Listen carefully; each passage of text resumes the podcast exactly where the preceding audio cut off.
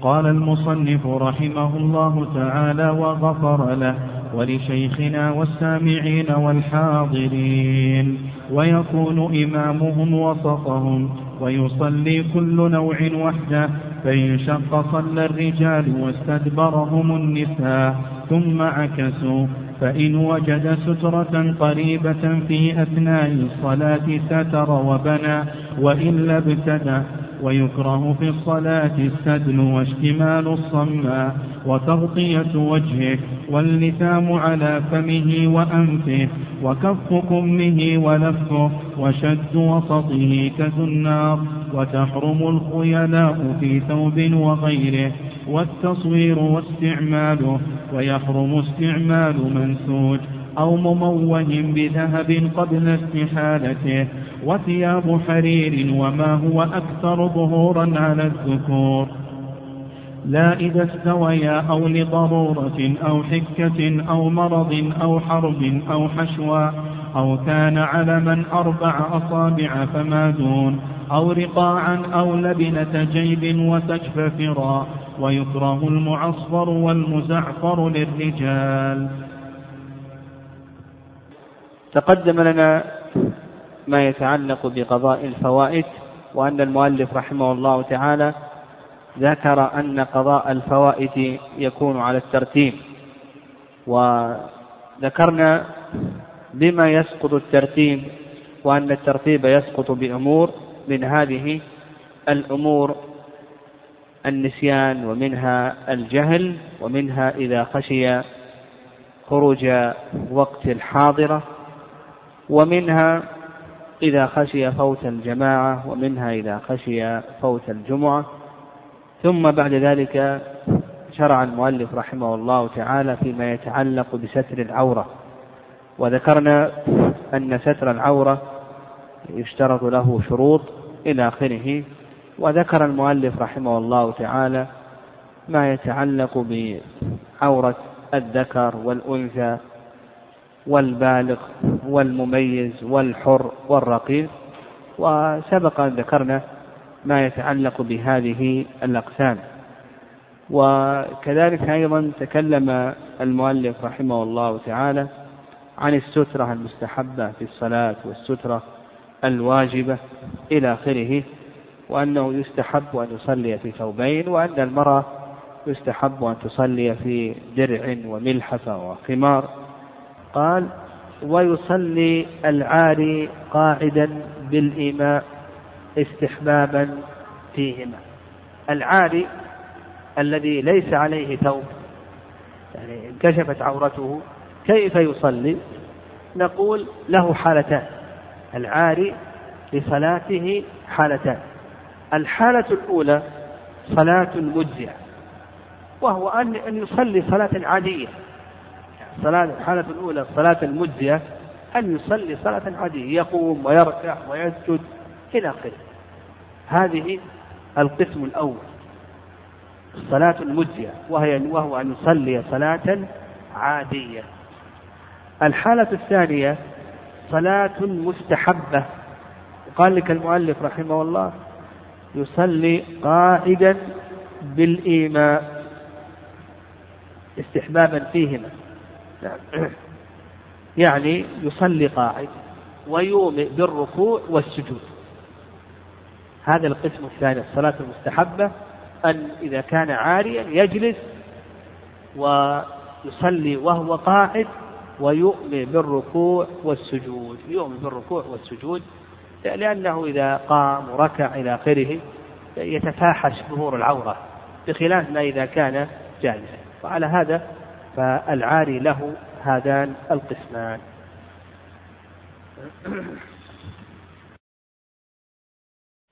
ثم قال المؤلف رحمه الله تعالى ويكون إمامهم وسطهم ويصلي كل نوع وحده فإن شق صلى الرجال إلى آخره. يقول المؤلف رحمه الله يكون إمام العراة وسط العراة.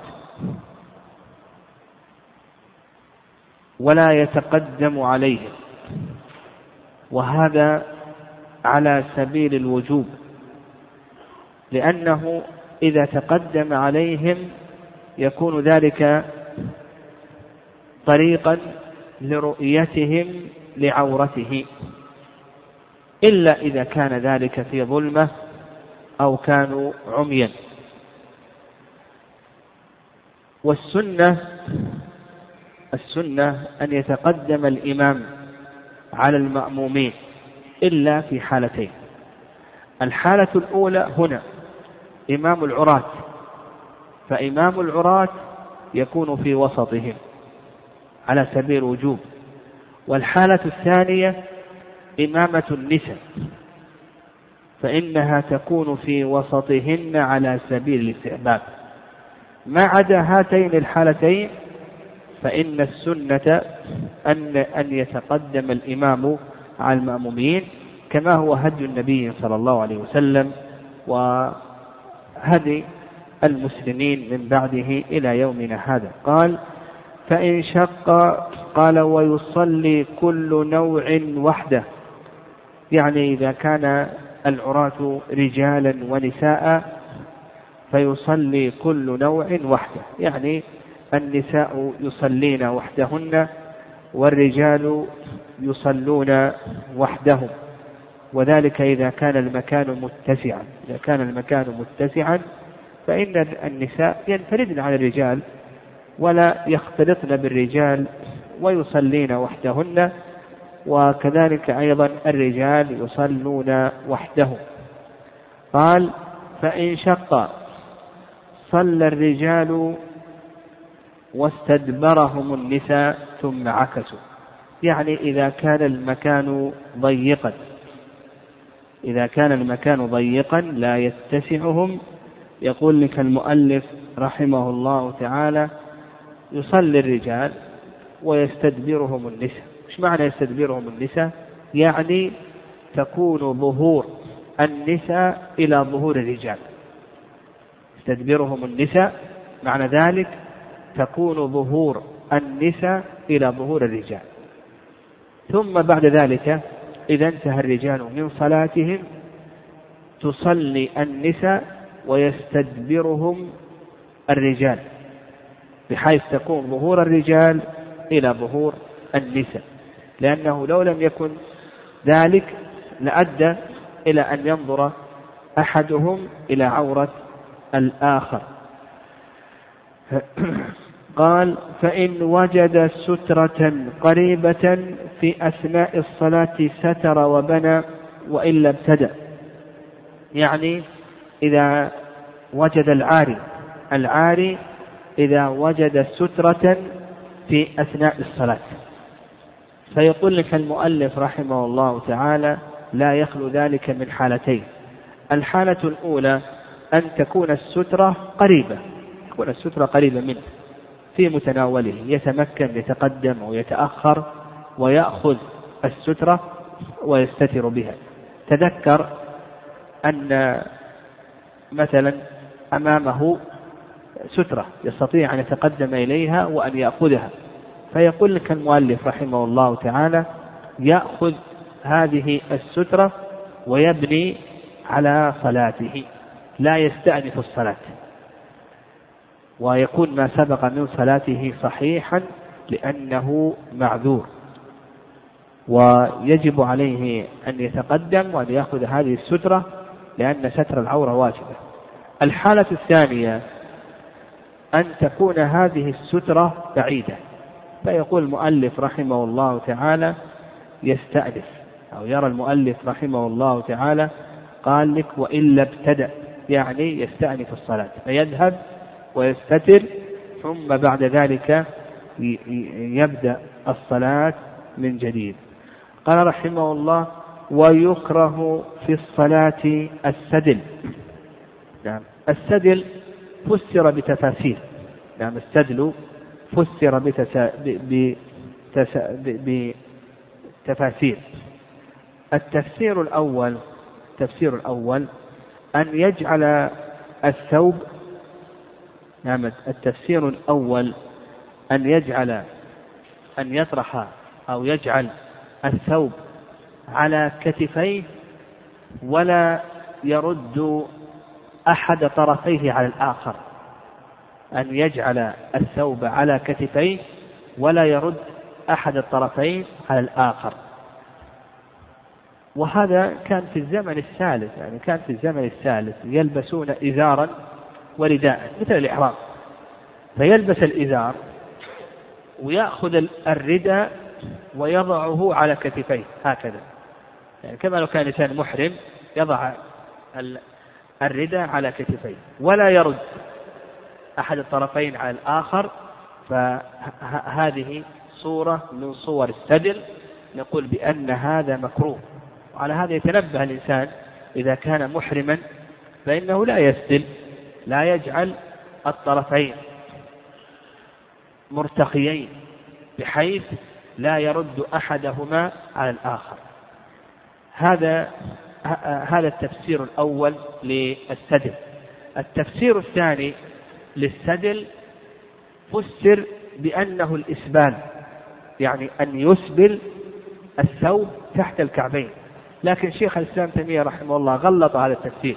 يقول هذا التفسير غلط. ليس صحيحا. ليس صحيحا. التفسير الثاني من تفاسير السدل أن يلتحف بالثوب. يعني يأخذ الرداء ويلتحف به يتجلل به. يعني يتجلل به كاشتمال الصمة. يعني كاشتمال الصمة.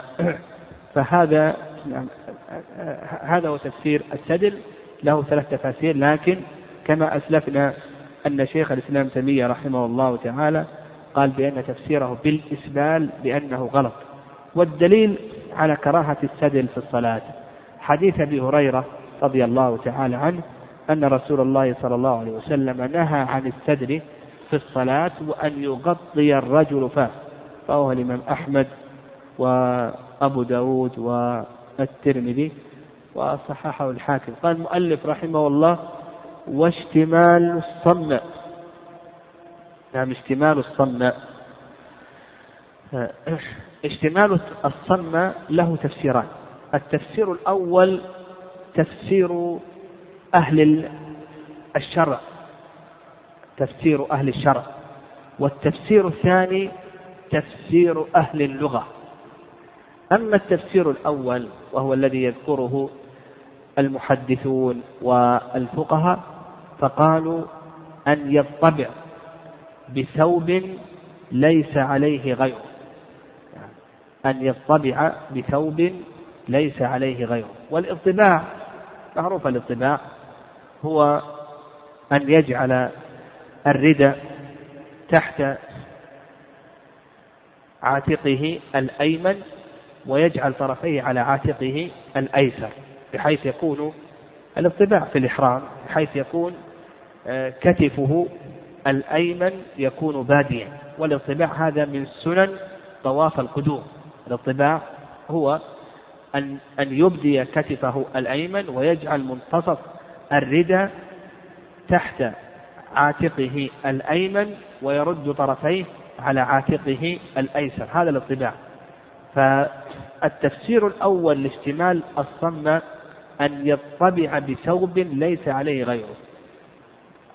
الأصل أن يلبس ثوبين إزار ورداء إزار ورداء هذا الأصل. لكنه الآن لبس إزارا فقط لبس إزارا فقط ثم بعد ذلك أخذ طرف الإزار ثم طبع به طبع به جعل طرفيه على عاتقه الأيسر بحيث يكون عاتقه الأيمن يكون باديا. فهذا التفسير الأول من اشتمال من من تفاسير اشتمال الصمة يعني يكون عليه إزار ثم يأخذ طرف الإزار ويصطبع به. يصطبع به يجعل طرفيه على عاتقه الأيسر وأما طرفه الأيمن فإن فإنه يكون نعم يكون باديا. نعم يكون باديا. هذا التفسير الأول. وقد جاء في السنة. هذا التفسير قد جاء في الحديث حديث أبي سعيد رضي الله تعالى عنه أن النبي صلى الله عليه وسلم نهى عن لبستين نهى عن لبستين واللبستان اشتمال الصمة والصمة أن يجعل ثوبه على أحد عاتقيه فيبدو أحد شقيه ليس عليه ثوب والصم أن يجعل ثوبه على أحد عاتقيه فيبدو أحد شقيه ليس عليه ثوب. رواه البخاري. التفسير الثاني من تفاسير من تفسير اشتمال الصمة تفسير أهل اللغة تفسير أهل اللغة وهو أن يلتحف بالثوب أن يعني يتجلل بالثوب يلتحف به كالصخرة الصمة التي ليس لها منافذ. كذلك أيضا هنا يأتي ويأخذ الثوب ويلتحف به يكون كالصخرة الصمة التي ليس لها منافذ. وكلا التفسيرين صحيح. نعم كلا التفسيرين صحيح. أما التفسير الأول فهذا ورد في السنة وهو الذي يقول به يذهب إليه أهل الحديث وأهل الفقه. والعلة من النهي عنه أنه يكون سببا لانكشاف العورة يكون سببا لانكشاف العورة لأنه إذا رفع طرف الإزار واطبع به يكون سببا لانكشاف العورة. وأما تفسير أهل اللغة فهو صحيح أيضا. هذا من الصمة كونه يلتحف بالرداء بحيث لا تكون ليديه منافذ إلى آخره هذا يعيقه عن الحركة في الصلاة ويمنعه من كثير من أفعال الصلاة. قال المؤلف رحمه الله وتغطية وجهه. يعني تغطية وجهه. هذا كما تقدم في حديث أبي هريرة رضي الله تعالى عنه أن النبي صلى الله عليه وسلم نهى عن السدل وأن يغطي الرجل فاه بالصلاة من باب أولى إذا غطى وجهه. قال واللسام على فمه وأنفه. أيضا كونه يتلسم على أنفه وفمه كأن النبي صلى الله عليه وسلم نهى عن ذلك. لكن قال العلماء رحمهم الله إلا إذا كان هناك سبب إلا إذا كان هناك سبب فإن هذا جائز ولا بأس به. كما لو كان هناك رائحة إلى آخره قد تشوش على هذا المصلي فإن هذا جائز ولا بأس به. ولأنه كما أسلفنا شيخ الإسلام تيمية رحمه الله يقول بأن الله سبحانه وتعالى أمر بشيء زائد على ستر العورة وهو أخذ الزينة أخذ الزينة. وهذه الأشياء التي ذكرها المؤلف رحمه الله من حيث الجملة تنافي أخذ الزينة في الصلاة. يا بني آدم خذوا زينتكم عند كل مسجد. فهذا لا يليق الإنسان يقوم بين يدي الله عز وجل وقد آه، وضع اللثام على وجهه أو على أنفه وغطى وجهه أو غطى فمه وأنفه إلى آخره. قال رحمه الله وكف كمه يعني يكره يعني يكره أن يكف كمه ولفه يعني أيضا لف لف كمه. يكره قال كفه ولفه هذا يكره. يعني إذا أراد أن يصلي يكف كمه يجذبه إذا أراد أن يصلي. أو مثل ذلك أيضا يرفع ثوبه إذا أراد أن يصلي. كفه يعني يكفه هكذا. أو لفه لفه طويه يطويه هكذا إذا أراد أن يصلي. لأن المسلم إذا سجد سجدت سجد معه ثوبه وسجد معه شعره. نهي الإنسان المصلي أن يكف شيء من هذه الأشياء لأنه يسجد معه الثوب ويسجد معه الشعر. حتى الشعر نهى النبي صلى الله عليه وسلم أن تكفه في الصلاة. وهذا من تعظيم الله سبحانه وتعالى. فنقول كفه ولفه إلى آخره أو مثل لف الثوب إذا أراد أن يسجد يلف ثوبه يكف ثوبه أو يقوم بطويه إلى آخره هذا آه، كله مكروه. يعني نقول بأن هذا كله مكروه.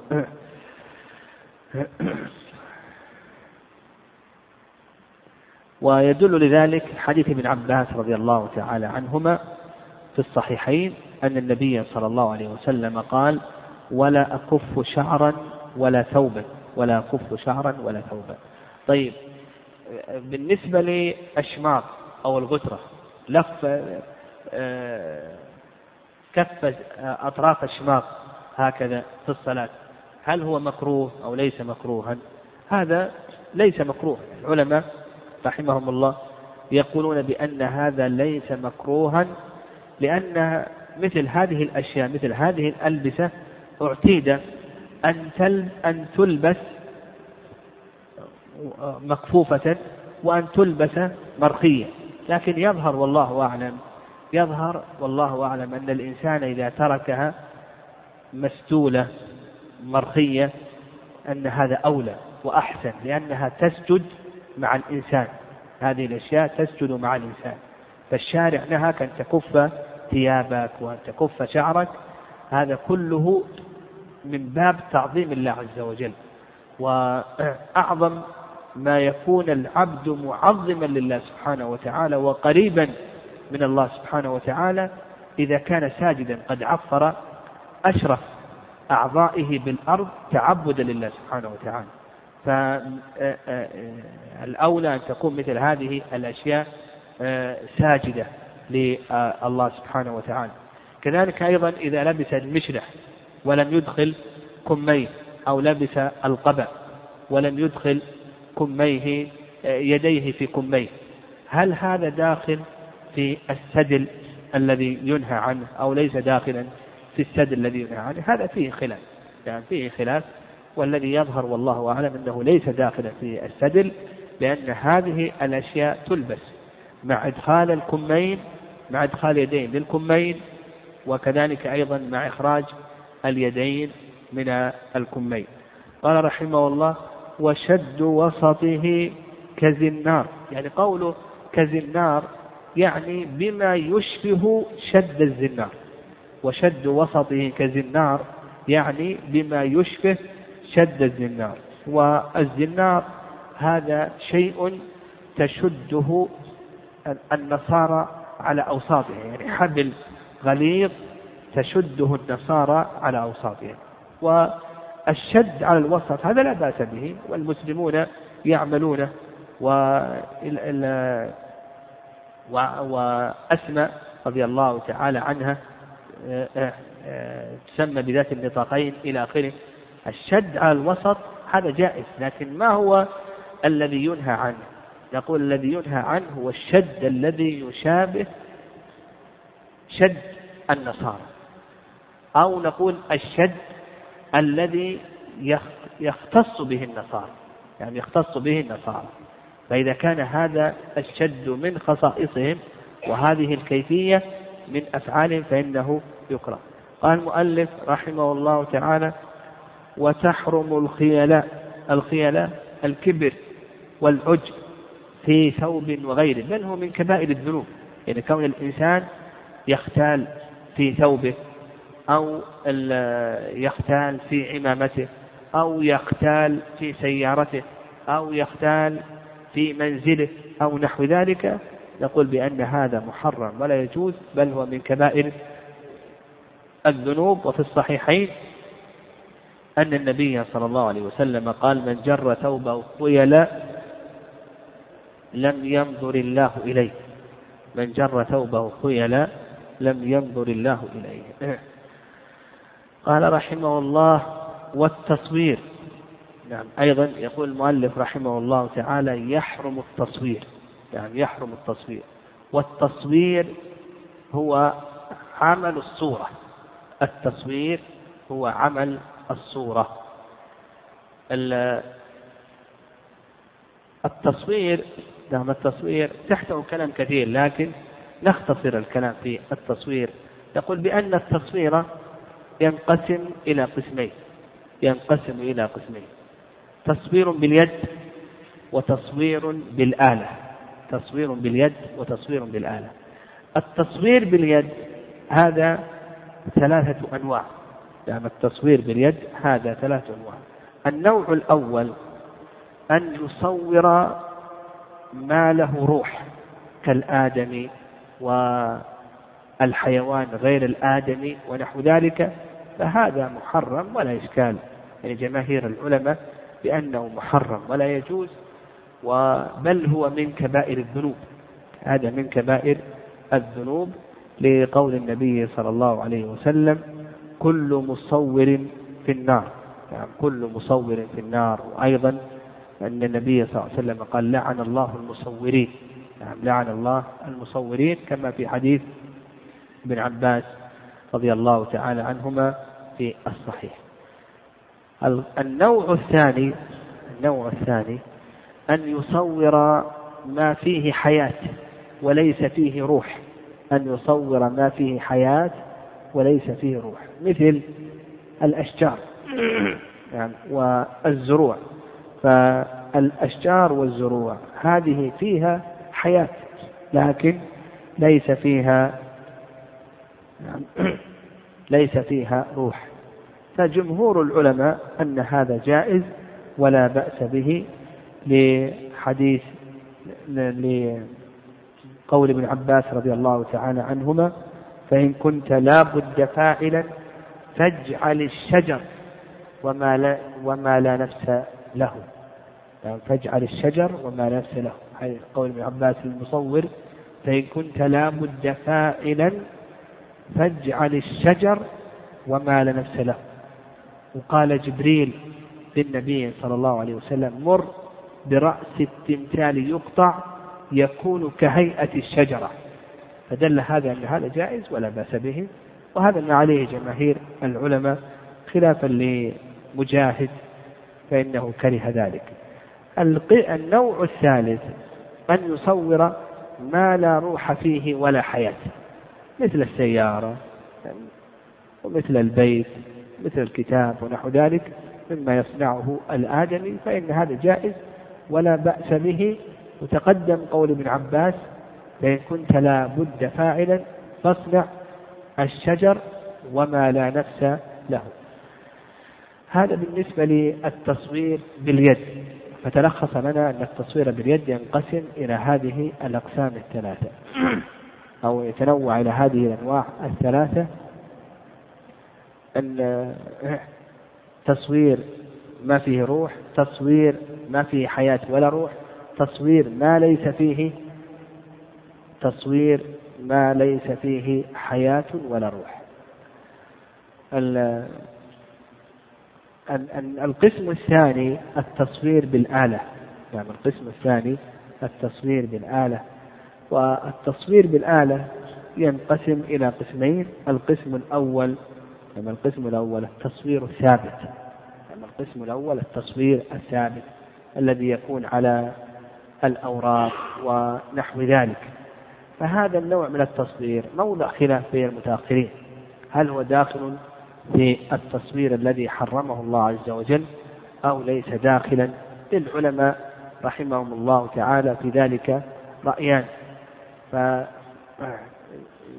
بعض المتأخرين إلى أن إلى أنه داخل وأنه محرم ولا يجوز.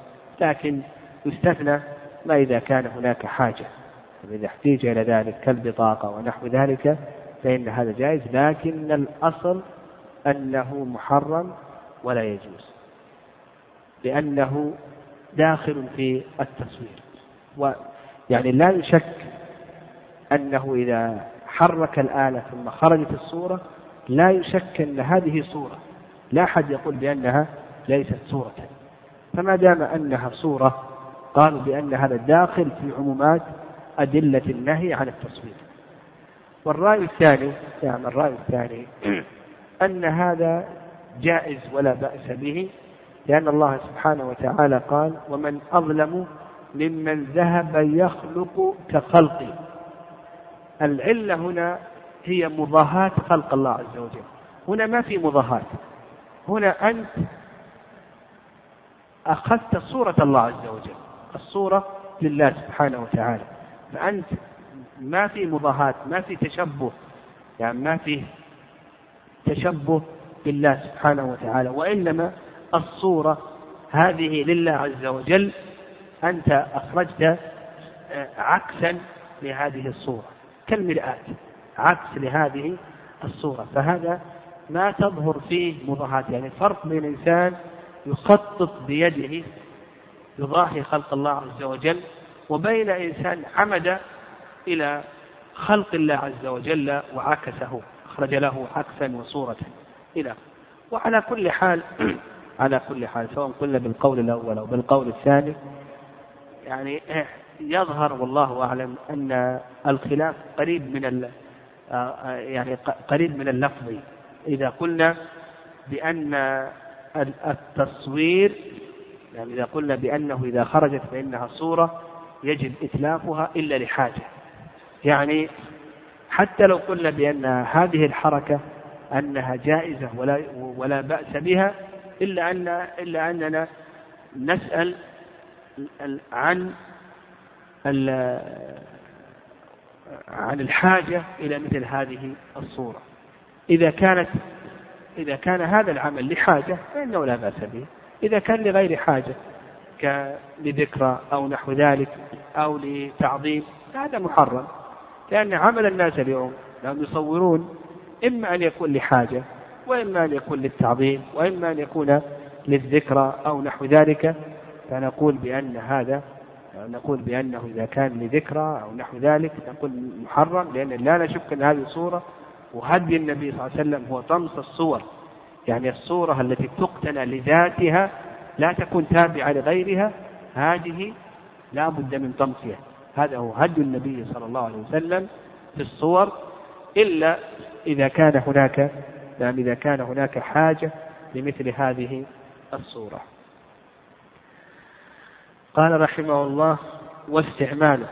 أما بالنسبة لتصوير أجزاء الحيوان كما قلنا تصوير الشجر ما فيه يعني قلنا طيب القسم الثاني يعني القسم الثاني التصوير غير الثابت.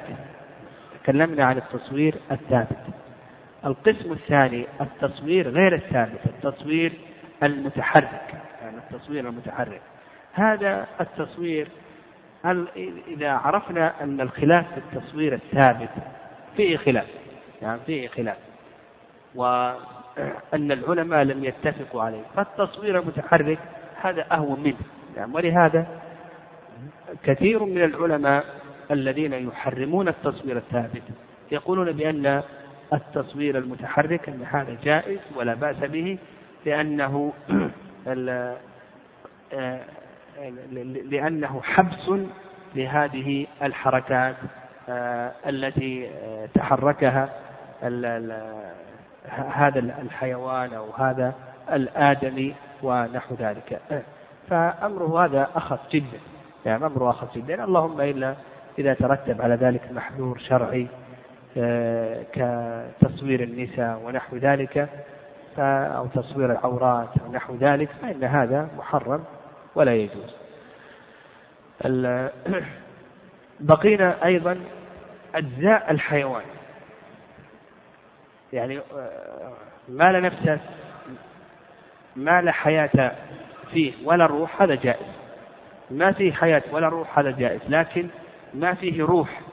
أجزاء ما فيه روح. كاليد والرجل والرأس ونحو ذلك.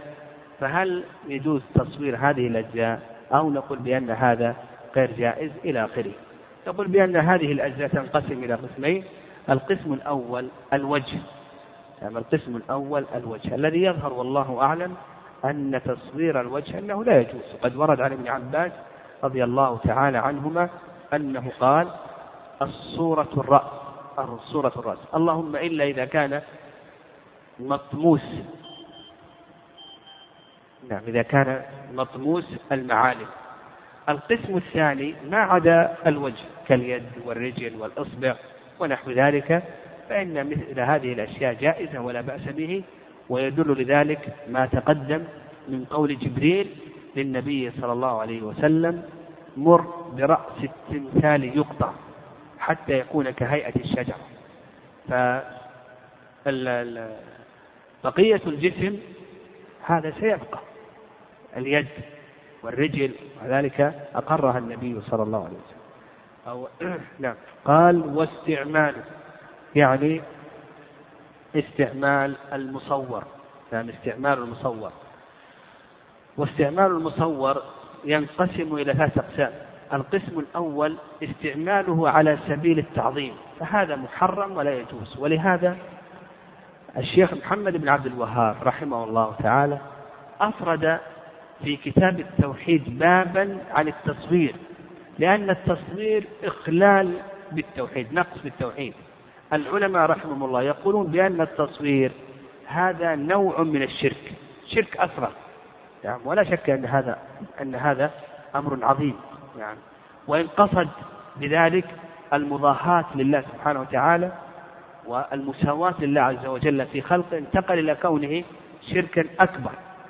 فنقول القسم الأول استعماله استعمال المصور على سبيل التعظيم كتعليق الصور ونحو ذلك ويدخل في ذلك والله أعلم آه، المغالاة بالصور واحتفاظ بها. بعض الناس يكون عنده صور قديمة إلى آخره فيغالي في هذه الصور ويحتفظ بها ويعظمها إلى آخره فهذا لا شك أنه محرم ولا يجوز. ولهذا قلنا بأن التصوير للذكرى أنه لا يجوز. فنقول استعماله على سبيل التعظيم كالتعليق ونحو ذلك والمغالاة في هذه الصور والاحتفاظ بها إلى آخره. نقول بأنه محرم ولا يجوز. القسم الثاني استعماله على سبيل الإهانة كما لو كانت الصور على الفرش وعلى المخدة ونحو ذلك.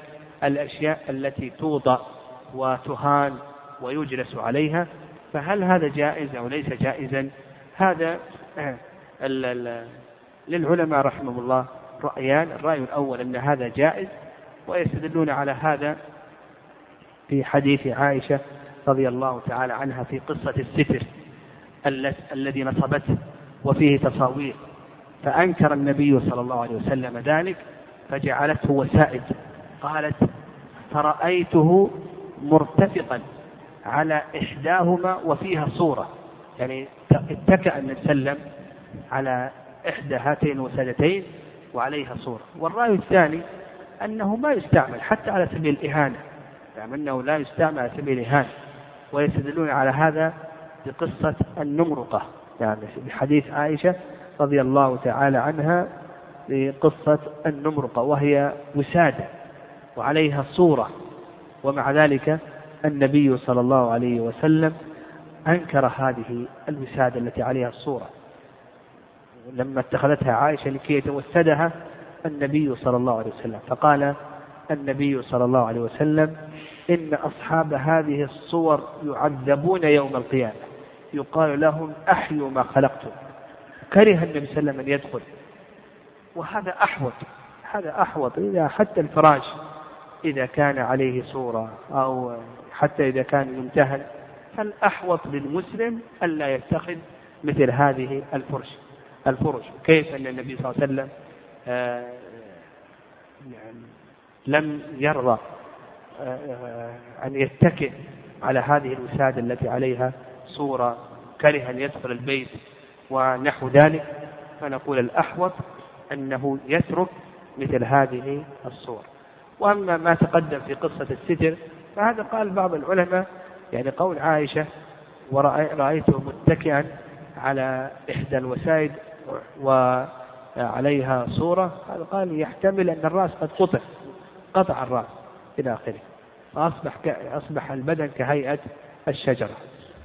قال رحمه طيب القسم الثالث استعمال المصور لا على سبيل التعظيم ولا على سبيل الإهانة هذا محرم ولا يجوز. هذا محرم ولا يجوز. لما تقدم من الأدلة كاستخدام مثلا في الملابس يعني الصور في الملابس حتى قال العلماء في الملابس التي تمتهن السراويل والخفاف والجوارب ونحو ذلك هذه كلها لا تستخدم فيها آه، استعمال الصور فيها. نقول بأنه غير جائز. قال ويحرم استعمال منسوج منسوج أو مموه بذهب. منسوج. يعني يقول لك المؤلف رحمه الله يحرم أن تستعمل ثوبا فيه خيوط خيوط من ذهب خيوط من ذهب. نسج بشيء من خيوط الذهب. أو مموه مموه بالذهب يعني مصبوغ بالذهب. والتمويه أن يماع الذهب ثم بعد ذلك يغمس فيه الشيء الذي يراد أن يموه فيكتسب من لونه. فيقول لك بالنسبة للذكر يحرم عليه ذلك. ويدل ذلك حديث حديث أبي موسى أن النبي صلى الله عليه وسلم قال حرم لباس الحرير والذهب على ذكور أمتي وأحل لإناثهم وأيضا حديث علي رضي الله تعالى عنه إلى آخره. المهم ال ال ال استعمال المنسوج بالذهب أو المموه بالذهب يقول لك المؤلف رحمه الله تعالى بأنه محرم ولا يجوز. وعند أبي حنيفة رحمه الله أن النسج بخيوط الذهب إذا كان على شكل العلم شكل العلم فإنه يجوز أربعة أصابع فأقل. يعني يقول لك يجوز النسج بخيوط الذهب كعلم. أربعة أصابع فأقل هذا رأي أبي حنيفة رحمه الله واختاره الشيخ الإسلام تيمية رحمه الله تعالى. وعلى هذا نقول وهذا القول هو الصواب. يعني نقول يجوز الذهب اليسير التابع. يجوز الذهب اليسير التابع في اللباس. وفرق بين اللباس وبين الآنية الآنية هذه لا يجوز أن تأكل ولو كان فيها شيء يسير من الذهب والفضة هذا محرم ولا يجوز كما تقدم لنا. لكن عندنا اللباس فإن كان الذهب يسيرا تابعا فإن هذا لا بأس به. ويدل لهذا حديث معاوية أن النبي صلى الله عليه وسلم نهى عن لبس الذهب إلا مقطعا. وفي حديث المسور بن مخرمة لما ذهب هو لما ذهب للنبي صلى الله عليه وسلم قال فخرج النبي صلى الله عليه وسلم وعليه قباء من ديباج مزرر بالذهب. قال عليه قباء من ديباج مزرر بالذهب. وعلى هذا نقول لبس لبس الذكر للذهب ينقسم إلى قسمين. القسم الأول أن يكون مفردا فهذا محرم ولا يجوز. كما لو لبس خاتم من ذهب يعني لبس خاتم من ذهب هذا مفرد. يعني كله من ذهب نقول هذا محرم ولا يجوز. القسم الثاني أن يكون تابعا. فإن كان يسيرا فإن هذا جائز ولا بأس به. فمثلا لو لبس مشلحا بعض المشالح يصير فيها شيء من خيوط الذهب. نعم الزري هذا يكون فيه شيء من خيوط الذهب. يقول بأن هذا جائز ولا بأس به. أو ثوب يكون فيه شيء من خيوط الذهب ونحو ذلك. أو لبس ساعة وفيها شيء من الذهب إلى آخره في محركاتها. يقول بأن هذا جائز لكن لو كانت خالصة من الذهب نقول حكم هذا نقول بأنه محرم ولا يجوز. قال أو مموه. نعم. بالذهب إلى آخره. فيقول لك المؤلف رحمه الله تعالى بأن هذا محرم ولا يجوز. قال قبل استحالته يعني استحالة هذا الذهب فإن تغير قبل استحالته استحالة هذا الذهب فإن تغير لونه ولم يحصل منه شيء بعرضه على النار لم يحرم يعني إذا صبغ هذا الثوب بالذهب صبغ بهذا الثوب بالذهب فإن استحال وتغير تغير لونه بحيث أنك لو قربته للنار ما تحصل شيء من الذهب فإن هذا جائز ولا بأس به. لأن الآن الذهب الآن استهلك. الآن الذهب الآن استهلك. بقينا في الفضة. يعني بقينا في الفضة يعني لبس الذكر في الفضة. أما الأنثى فهي تلبس آه، من الذهب ما جرت به العادة. تلبس من الفضة ما جرت به العادة. لكن لبس الذهب للذكر. تقدم لنا الكلام في ذلك. بقينا في لبس الذكر للفضة. يعني لبس الذكر للفضة. جمهور العلماء رحمهم الله كما تقدم جمهور العلماء يقولون يحرم أن يلبس الذكر الفضة كما يحرم أن يلبس الذهب الحنفية يجيزون العلم يعني أربعة أصابع فأقل.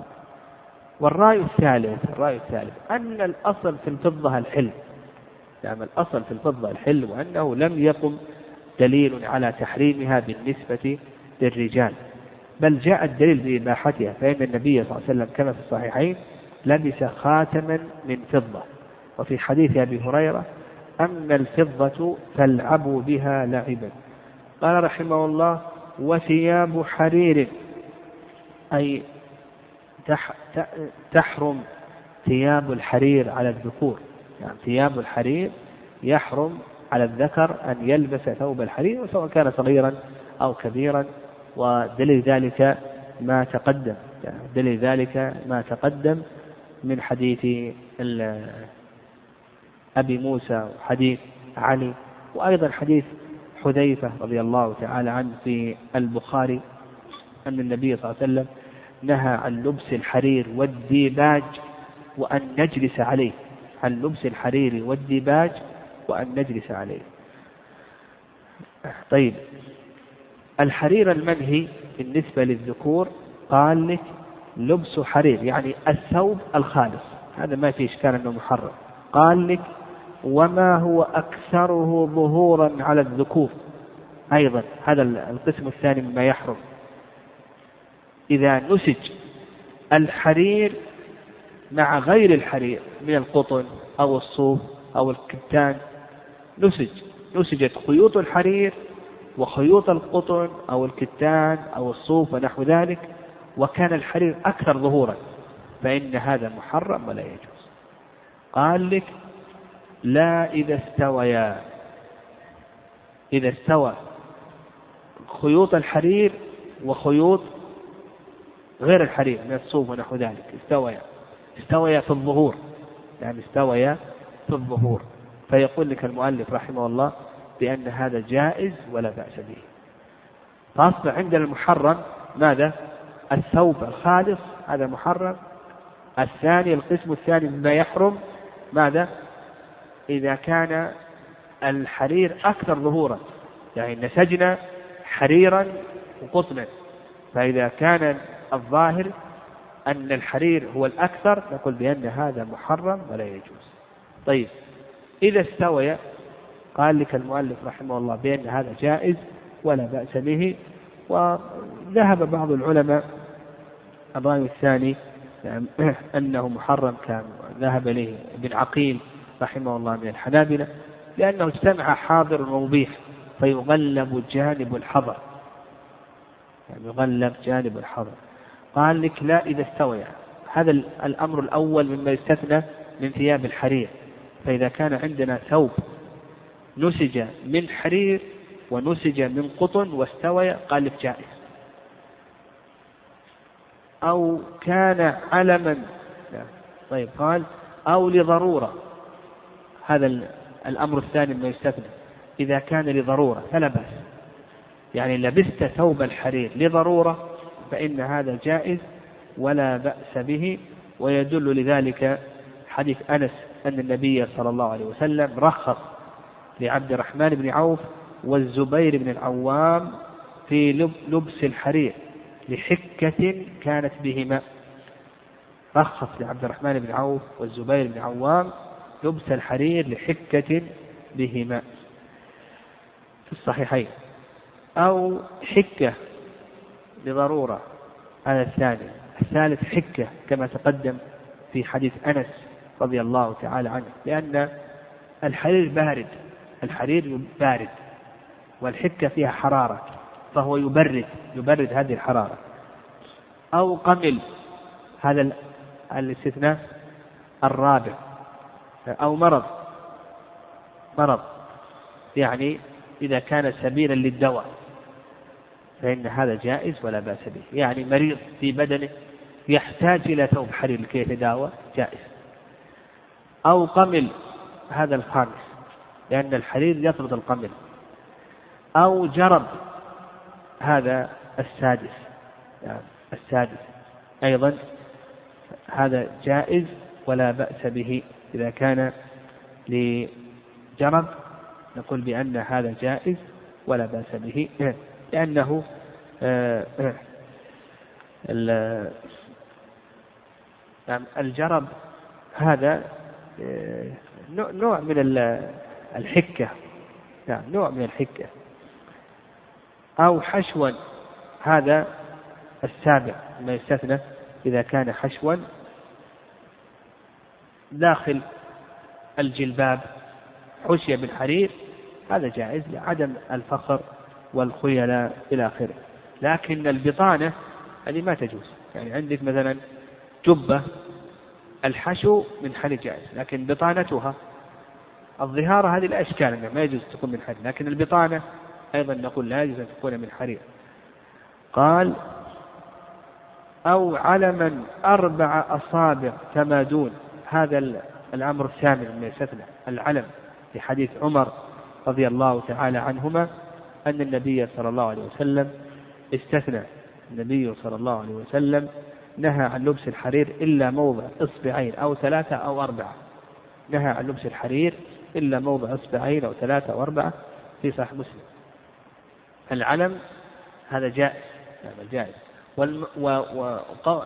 وقول المؤلف رحمه الله أربع أصابع هذا في الموضع في الموضع الواحد أربع أصابع.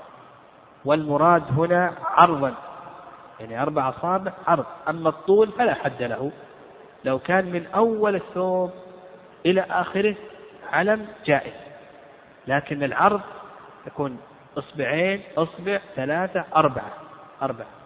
أيضا في الموضع الواحد في الموضع الواحد أربع أصابع ثمانون ف... فإذا كان هنا علم علم حرير وجانبه علم صوف لا بد أن يكون علم الصوف خمس أصابع. ثم لا بأس بعد ذلك أن يكون علم حرير أربع أصابع. ثم علم صوف خمسة أو ستة أصابع ثم علم حرير وهكذا. يعني هكذا. هذا جائز. فنفهم أن علم الحرير طولا هذا لا حد له. بالنسبة للعرض أربع أصابع فما دون إذا كان في موضع واحد في موضع واحد. ولا بأس أن يتعدد العلم لكن لا بأس أن يتعدد العلم لكن ما يكون بجانبه نعم ما يكون بجانبه من آه، غير الحرير من صوف أو كتان أو نحو ذلك يكون أكثر منه لئلا يتساوي. قال أو رقاعا رقعة رقعة الثوب الثوب انخرق أو انشق فجعلت فيه رقعة فهذا يشترط أن يكون أربع أصابع فأقل في العرض. أما الطول كما ذكرنا فهذا لا حد له. أو لبنة جيب لبنة جيب. الجيب المقصود به الفتحة التي يدخل منها الرأس. فإذا كان هنا فتحة الفتحة التي تدخل منها الرأس هذه لبنة الجيب. لو وضعت على أطرافها حرير هذا لا بأس. تضع هنا حرير لكن يكون أربع أصابع فاقل عندك هنا على الأطراف تكون أربعة أصابع فاقل هذا جائز. قال وسجف فرق أطراف الفروة أو المشلح. عندك الفروة يكون أطرافه أربعة أصابع فأقل عرضا. أما طولا فهذا لا حد له. لو جعلت على المشلح أو الفروة أربعة أصابع فأقل من الحرير فإن هذا جائز ولا بأس به. قال ويكره المعصفر. المعصفر هو الثوب الذي صبغ بالعصفر يعني الثوب الذي صبغ بالعصفر واختلف العلماء رحمهم الله في هذا الثوب الذي صبغ بالعصفر هل هو مكروه أو مباح إلى آخره؟ فالمؤلف رحمه الله يرى أنه مكروه مذهب أبي حنيفة والرأي الثاني رأي مالك والشافعي أنه مباح ولكل منهم دليل. أما الذين قالوا بأنه مباح فاستدلوا بحيث ابن عمر في الصحيحين أنه قال رأيت النبي صلى الله عليه وسلم يصبغ بالصفرة. قال رأيت النبي صلى الله عليه وسلم يصبغ بالصفرة. والذين قالوا بأنه يكره استدلوا بحديث عبد الله بن عمرو رضي الله تعالى عنهما. حديث عبد الله بن عمرو رضي الله تعالى عنهما لما رأى عليه النبي صلى الله عليه وسلم ثوبين معصفرين. فقال إن هذه من لباس الكفار فلا تلبسها. ثوبين معصفرين إن هذه فقال النبي صلى الله عليه وسلم إن هذه من لباس الكفار فلا تلبسها.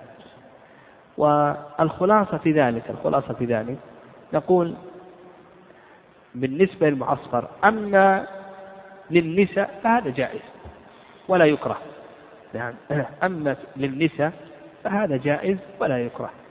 وفي حديث عبد الله بن عمر قال فإنه لا بأس بذلك للنساء. فنقول أما النساء جائز ولا يكره. القسم الثاني أن يكون الرجال. الرجال. هل يكره أو لا يكره؟ كما تقدم الخلاف ويظهر والله أعلم أنه مكروه.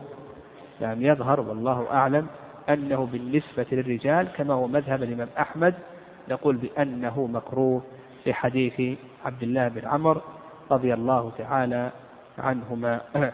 ويكون صب النبي صلى الله عليه وسلم بالصفرة يدل على جواز وأنه ليس محرما. قال والمزعفر المزعفر هو ما صبغ بالزعفران. ويدل لذلك أن النبي صلى الله عليه وسلم نهى الرجال عن التزعفر. يعني في الصحيحين أن النبي صلى الله عليه وسلم نهى الرجال عن التزعفر. والمزعفر كما تقدم هو ما صبغ بالزعفران تقدم أن ابن عمر قال رأيت النبي صلى الله عليه وسلم يصبغ بالصفرة. يعني يصبغ بالصفرة. والزعفران قريب من الصفرة. يعني, يعني قريب من الصفرة. المعصفر يعني أبلغ منه. قريب من الحمرة. قريب من الحمرة. ف نقول الحكم في المزعفر كما تقدم يعني العلماء لهم رأيان رحمهم الله هل يكره أو لا يكره؟ لهم رأيان. والكلام في المزعفر كالكلام في المعصفر. لأن كل الصبغ بالصفرة إلا أن المعصفر أشد بحيث يكون قريب من الحمرة قريب من الحمرة المعصفر. فنقول أما النساء فإن هذا جائز ولا بأس به وأما الرجال فكما ذهب المؤلف رحمه الله هو أقرب شيء أنه يكون مكروه وعلى هذا يكون صبغ النبي صلى الله عليه وسلم بالصفرة يكون هذا من باب الجواز. أما المرأة فإن هذا جائز ولأن الأصل أنه يباح للمرأة ما لا يباح للرجل فيما يتعلق بالتزين والتجمل ولا هذا أبيح لها الحرير والذهب إلى آخره فأمرها أسهل. قال رحمه الله طيب بقينا في الأحمر. الأحمر الخالص. نعم الأحمر الخالص. أيضا هل يكره أو لا يكره إلى آخره؟ هل هو مكروه أو ليس مكروها؟ المذهب أنه مكروه. المذهب أن الأحمر الخالص مكروه. ويدل لهذا أن النبي صلى الله عليه وسلم نهى عن المياسر الحمر. والرأي الثاني ذهب إليه ابن قدامة رحمه الله رواية عن الإمام أحمد ذهب إليه ابن قدامة أن الأحمر الخالص غير مكروه لأن النبي صلى الله عليه وسلم كما في حيث البراء بن عازب لبس حلة حمراء. في حيث البراء بن عازب أن النبي صلى الله عليه وسلم لبس حلة حمراء في الصحيحين. لكن ابن القيم رحمه الله أجاب عن هذا وقال بأن المراد بالحلة الحمراء النبي عليه وسلم يعني مشوبة بالحمرة مثل ما تقول الآن إشماغ أحمر. وإن كان ليس خالصا. يعني تقول هذا إشماغ أحمر وهذا إشماغ أبيض وهذا إشماغ أسود. وإن كان ليس خالصا بالحمرة هكذا هي الحلة التي لبسها النبي صلى الله عليه وسلم. وهذا اللي يظهر يعني كلام ابن القيم رحمه الله جيد. وقد جاء في الحديث وإن كان الحديث فيه ضعف أن أن الحمرة من زينة الشيطان. يعني أن الحمرة من زينة الشيطان. فنقول أيضا الكلام في الحمرة كالكلام في المعصفر وفي المزعفر. نعم.